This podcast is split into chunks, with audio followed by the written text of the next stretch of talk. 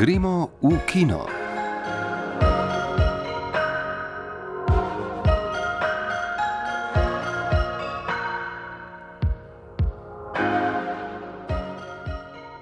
Lepo pozdravljeni.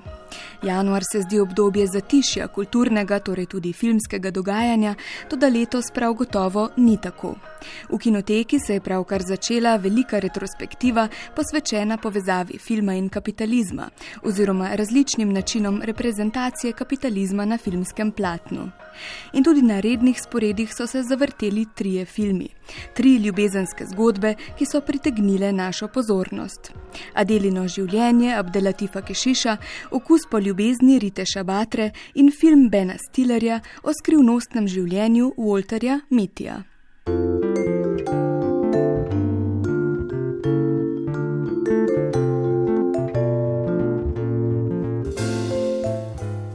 Najprej pa kar v kinoteko, kjer se je v torek začela dvomesečna retrospektiva, v kateri se bova pogovarjala z gostom odaje, programskim vodjo kinoteke Jurjem Medenom. Naslov retrospektive je Pogoji in možnosti, pri čemer je in v oklepaju.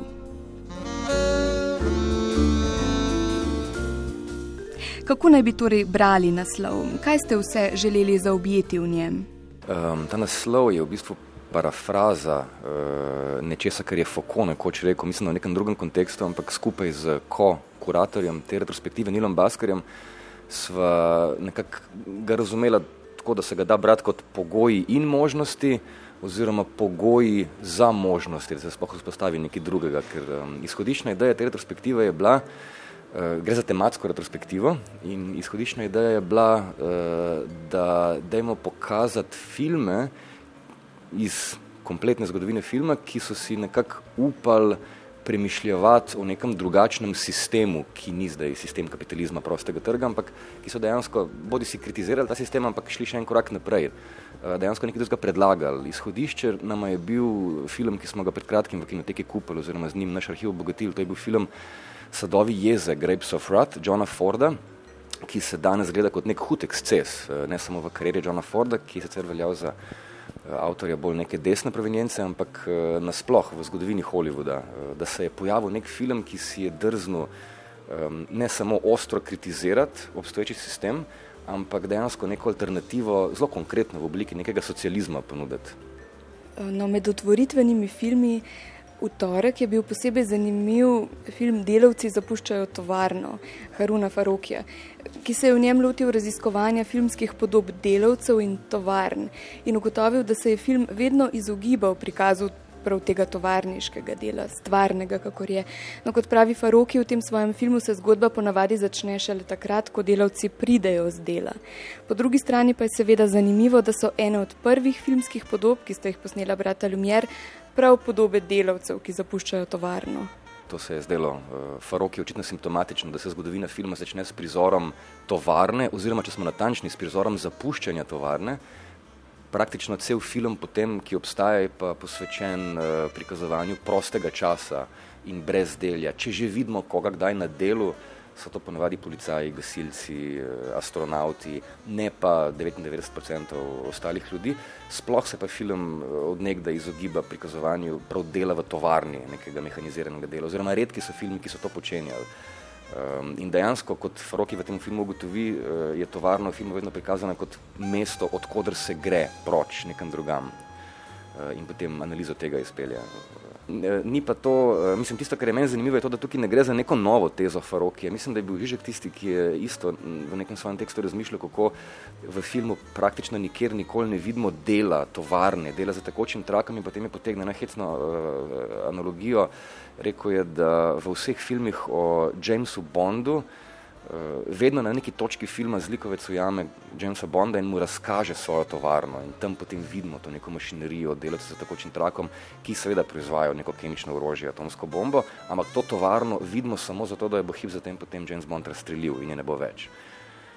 Ja. Eh, no, zdaj, ta retrospektiva, če prav razumem, je torej namenjena poglabljanju vprašanja prepleta filma in kapitalizma. Trajala bo do konca februarja, prikazanih pa bo veliko filmov, ki se tematsko na prvi pogled ne zdijo neposredno povezani s tem vprašanjem. Vendar v tem novem kontekstu ponujajo seveda nove uvide. No, eno, eno takih del je trpljenje device Orleanske, Karla Teodorja Drajerja ali pa melodrama Douglasa Srka, vse, kar dovoli ne bo.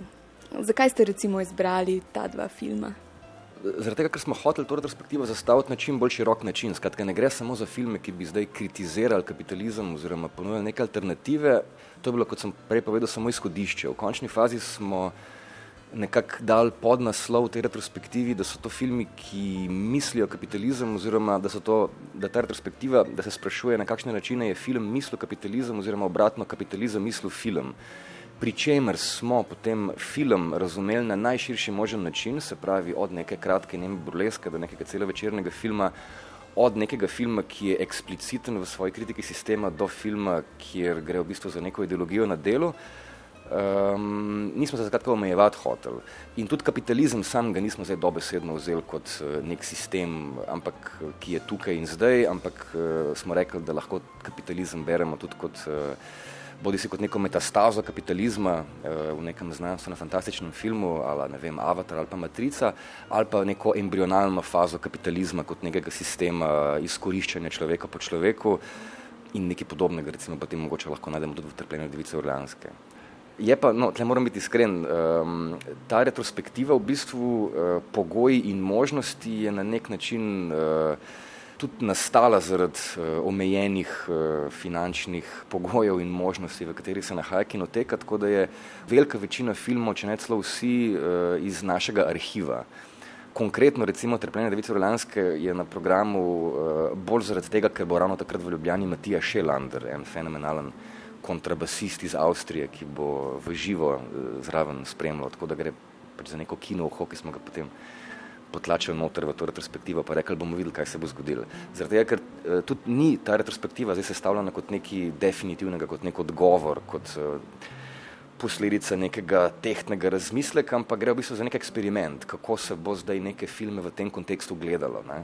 A se da recimo, ne vem, eh, Sergio Leoneja, nek njegov špageti western gledati v tem kontekstu. In ko smo ga recimo pogledali na začetku januarja, smo ugotovili, da se ga da, da je recimo njegov film Eh, dober grd hodoben, v resnici je ena enkratna alegorija eh, prostega trga, ker potem te trije kobojci nastopajo kot neki agenti, ki se pehajo za nekim nevidnim zakopanim zakladom, ki je en tak enkraten simbol tega nevidnega zmezljivega kapitala in za sabo trupla puščajo.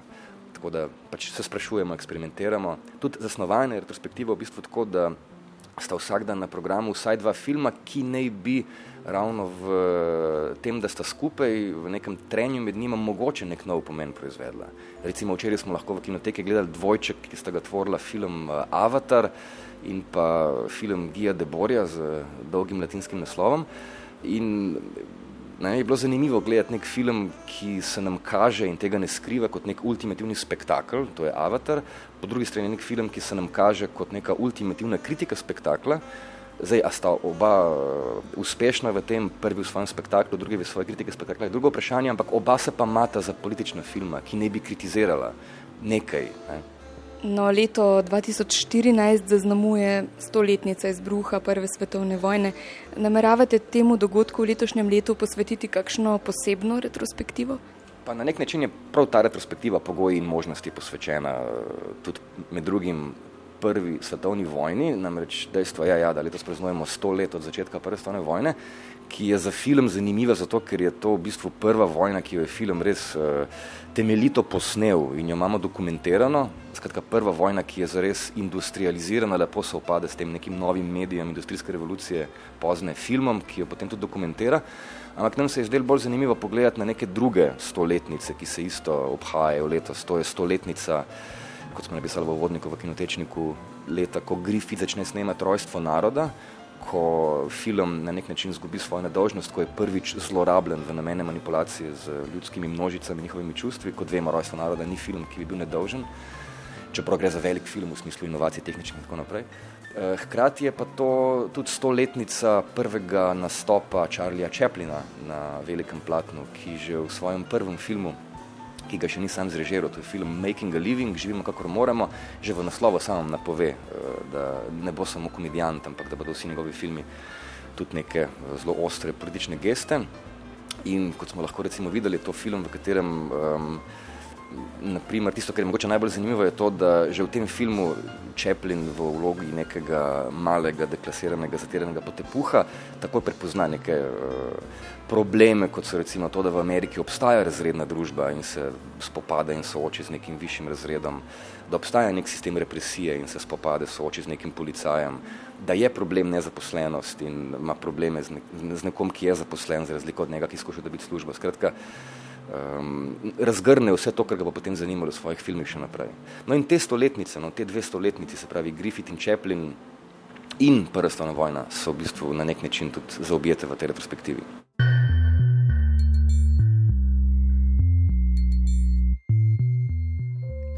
V Cankarjevem domu v Ljubljani lahko do ponedeljka ujamete eno najbolj razupitih filmskih del preteklega leta: lezbično ljubezensko zgodbo Adelino življenje francoskega režiserja tunizijskih korenin Abdelatifa Kešiša, ki ni želel v prvi vrsti problematizirati homoseksualnosti, temveč neki drugi vidik, kot je povedal na tiskovni konferenci na Kanskem filmskem festivalu. Très vite le, le, le refus du, du discours Ljudje zelo hitro odklonijo pogovor o tej temi, o homoseksualnosti, zato sem raje povdaril težave, ki nastanejo ob odnosu obeh junakin do družbenih razlik med njima.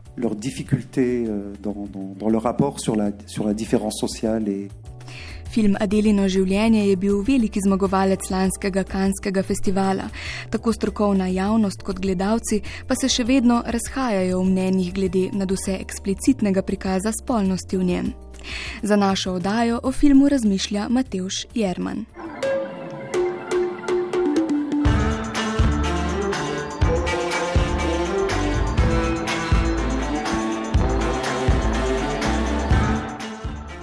Adilino življenje je eden izmed filmov, o katerih smo v preteklem letu veliko slišali. Zlati palmi v Kanu, ki je bila prvič podeljena ob enem režiserju in glavnima igralkama, so sledile številne prestižne nagrade in nominacije, enako odmevni pa so bili burni odzivi na nazorne erotične prizore med protagonistkama. Ti so filmu hitro prinesli status instantnega kulta in samo potrjujejo dejstvo, da Adelino življenje gledalca težko pusti ravnodušnega.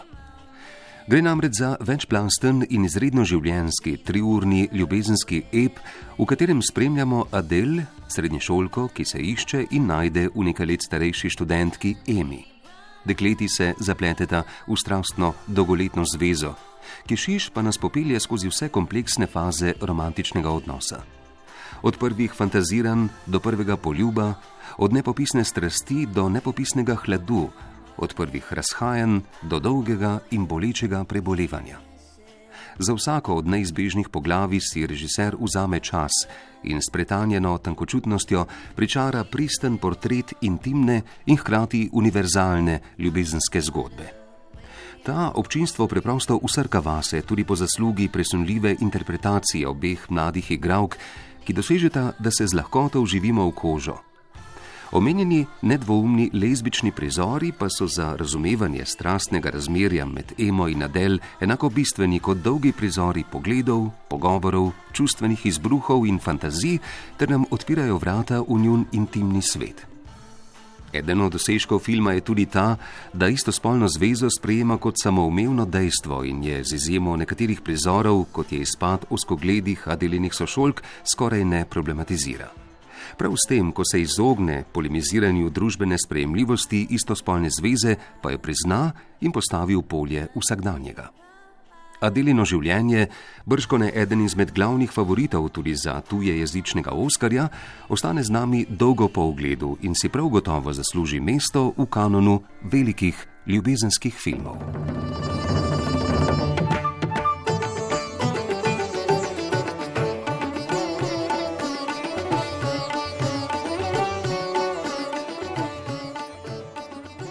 Od lezbične ljubezenske zgodbe do svoje vrstne ljubezenske zgodbe med prebivalcema indijskega Mumbaja, med katerima se ves splete prek pisem, njuno pisemsko druženje pa se začne s pošiljko hrane, dostavljene na napačen naslov. Več o filmu Denis Valič.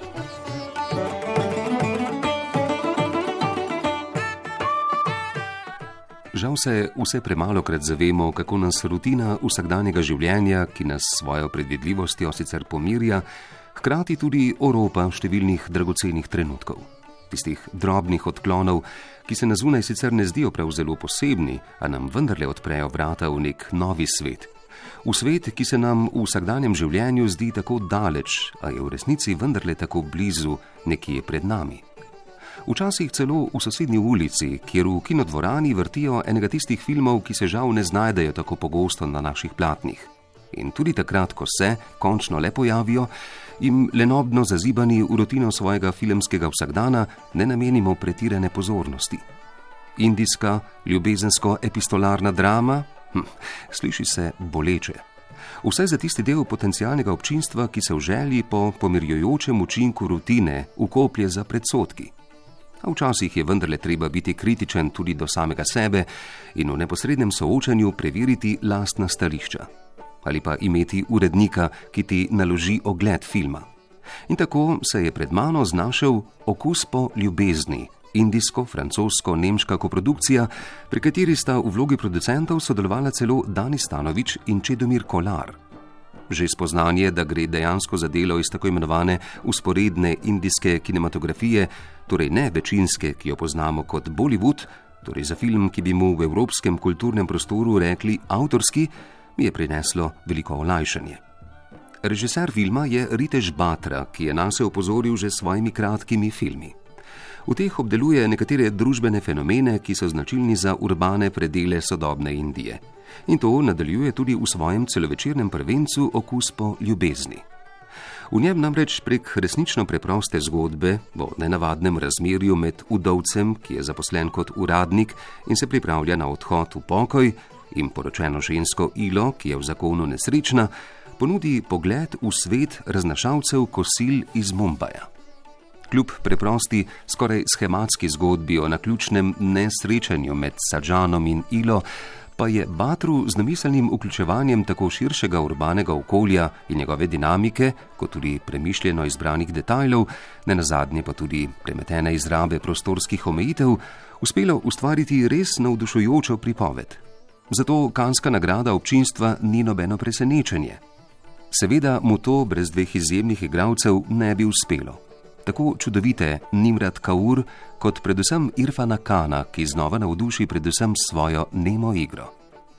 Tudi okus po ljubezni nam ponudi še nekaj več, nekaj pomembnejšega: okno v drugo kulturo. Batra gledalca že s prvimi, premišljeno izbranimi kadri, ki začrtajo osnovne značilnosti urbane krajine, v katero je umestil zgodbo, upelje v svet drugačne, nam še vedno precej neznane kulture kulture življenja, duhovne, delovne, verske kulture. In prav zato tudi v svojem filmskem življenju nikoli ne bi smeli pasti v rutino, se samo prepustiti toku ponudbe večinskega filma, pa čeprav avtorskega, temveč iskati nove in predvsem drugačne filmske obale.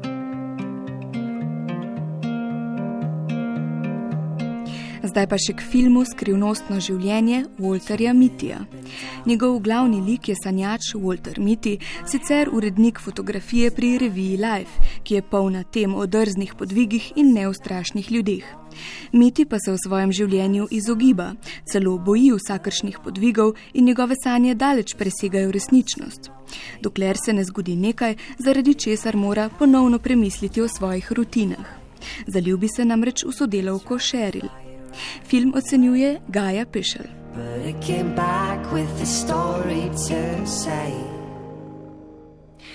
Gotovo se vam je že kdaj zgodilo, da se je vaš sogovornik sredi zanimivega pogovora nenadoma zagledal nekam udaljavo in se tako globoko potopil v svoj svet, da vas in okolice niti opazil ni več. Pri tem se je morda še vas zadovoljen nasmihal, kot da se mu prav v tistem hipu dogajajo zares zanimive stvari. Morda ste kdaj tako odplavali, celo sami, pozneje pa vam je bilo nerodno, ker se vam niti malo ni sanjalo, kaj se je vmes zgodilo, le vsi drugi so vas gledali nekoliko po strani. No, če bi se vam kaj takega zgodilo v angliško govorečem svetu, bi vas verjetno označili za pravega Walterja Mitija literarnega junaka iz 30 let prejšnjega stoletja, ki je svoj dolgočasen vsakdan nadomeščal z izrazito močno domišljijo in ob pomoči sanjarjenja pri belem dnevu počel kar najbolj nore stvari, kot naprimer pilotiral vojno letalo ali pa kirurško operiral pacijenta. Privlačna in smešna kratka zgodba, ki pa v sebi skriva tudi globje sporočilo, je že leta 1947, manj kot desetletje po prvi časopisni objavi, zaživela na filmskem platnu in se z nepozabnim, hitro govorečim Danijem Kejem v glavni vlogi zapisala v spomin filmske zgodovine. Naloga, s katero so se morali spoprijeti ustvarjalci nove uprizoritve več kot 60 leti pozneje, je bila tudi zato vse preko lahka. Bolj ali manj intenzivno pa se je razvijala že vse od sredine 90-ih let. Po številnih menjavah ekip in nosilcev igralcev je režijsko in producentsko taktirko na zadnje prevzel vsestranski Ben Stiller. Odigral je tudi glavno vlogo ter vnovič dokazal, da s svojim natančno odmerjenim humorjem močno presega hollywoodsko povprečje. V skladu s časom in tudi drugačnim pogledom filmskega občinstva je Stillerjev miti precej manj komičen, kot je bil njegov filmski predhodnik. Postavljen pa je v sodobni svet mobilnih telefonov, prenosnih računalnikov in socialnih omrežij, ki še povdarjajo njegovo nesposobnost funkcioniranja v resničnem svetu in mu hkrati omogočajo, da se skrije v sivem povprečju, iz katerega v posmeh okolice izstopa zgolj s svojim nenadzorovanim sanjarjenjem a niti njegove najbolj divje fantazije ga ne morejo pripraviti na to, kar ga čaka, ko se odpravi na razborljivo iskanje izgubljenega fotografskega negativa in v sebi vendarle prebudi dolgo spečega pustolovca. Skrivnostno življenje Walterja Mitija je žanrsko mešan film, ki z odlično igralsko zasedbo, med drugim sta v stranskih vlogah nepozabna legendarna Shirley MacLaine in duhoviti Sean Penn, z iskrivimi dialogi, spektakularnimi prizori ter dih jemajočo panoramo gledalce spodbuja, da presežejo svoje sanjarije in življenje zaživijo tako, kot si zares želijo. Le kdo mu ne bi verjel? Pa čeprav slutimo, da konec morda le ne bo tako zelo tipično hollywoodski, kot se je žal po nesreči v Stillerju.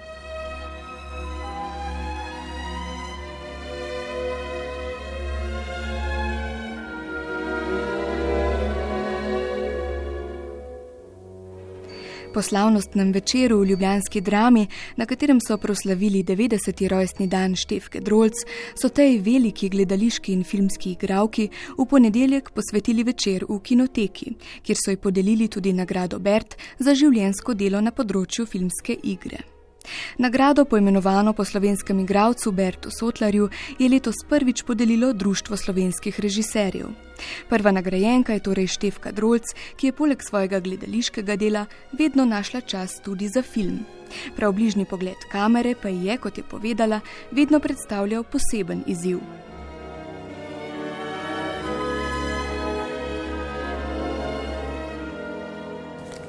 Kamera je pač čudežna reč, ne? kamer je nekaj, kar, kar pride tako blizu, kot uh, se nikoli skoraj z gledalcem ne srečaš na ta način. Ne. Pogledati čisto, čisto blizu v oči in v dušo.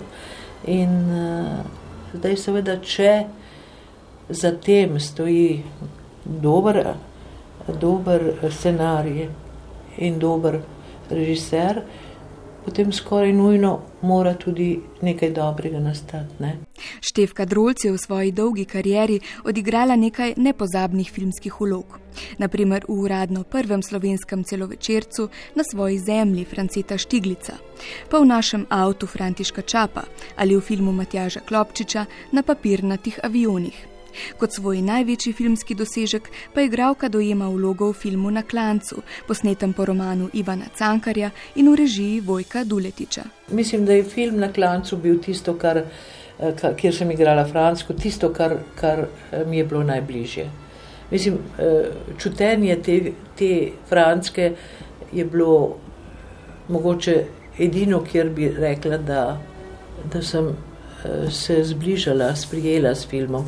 Ne glede na to, ali je ustvarjala za gledališče ali film, je Števka Drolc k vlogam vedno pristopila enako predano. Mislim, da je treba priti s popolnoma čistim srcem, enostavno razbremeniti stvari, ki so se naložile, odmakniti in priti odprt. Odprt, kar me je zmeraj zanimalo celo življenje. Biti radoveden, biti uh, živ, uh, na novo prisoten, na novo iskati.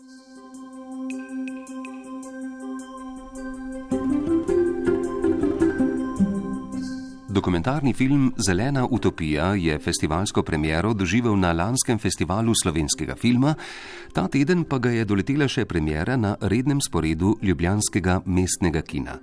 Gre za delo režiserjev in scenaristov Marka Kumra in Urbana Zorka, ki je nastalo v okviru projekta Evropska prestolnica kulture Maribor 2012. Pripoveduje pa o urbanih vrtovih kot nastajajoči deželi prihodnosti, vse tako jih v filmu označita njihova ideologa.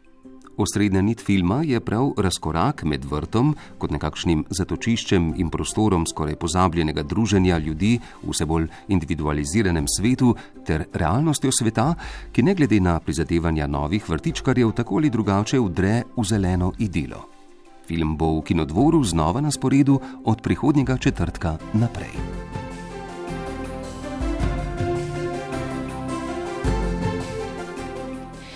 V komercialne kinematografe je prišlo tudi nadaljevanje srhljivih grozljivk, paranormalno s podnaslovom Označeni. Najstniška zvedavost in nepremišljenost se kmalo znajdeta v smrtonosnem vrtincu grozljivih sil. Prvi del uspešne serije grozljivk je nastal leta 2007 v režiji Orena Pelija in je takrat požel velik uspeh med oboževalci tega žanra, saj se je Peli odločil film posneti s kamero za domačo rabo, brez posebne filmske ekipe. Sam je napisal scenarij, sam snemal in film zmontiral. Da bi po vzorcu čarovnici z Blera film deloval kar se da avtentično, dokumentarno. Kot rečeno, je zdaj v kina prišel peti del serije, za konec letošnjega leta pa je napovedan že nov del.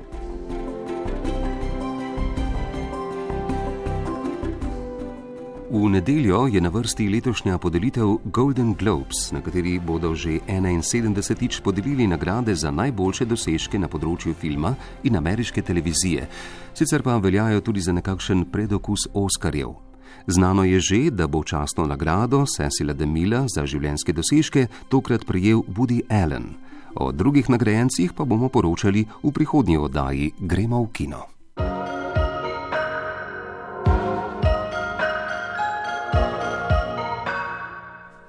Smo pri koncu oddaje Gremo v kino.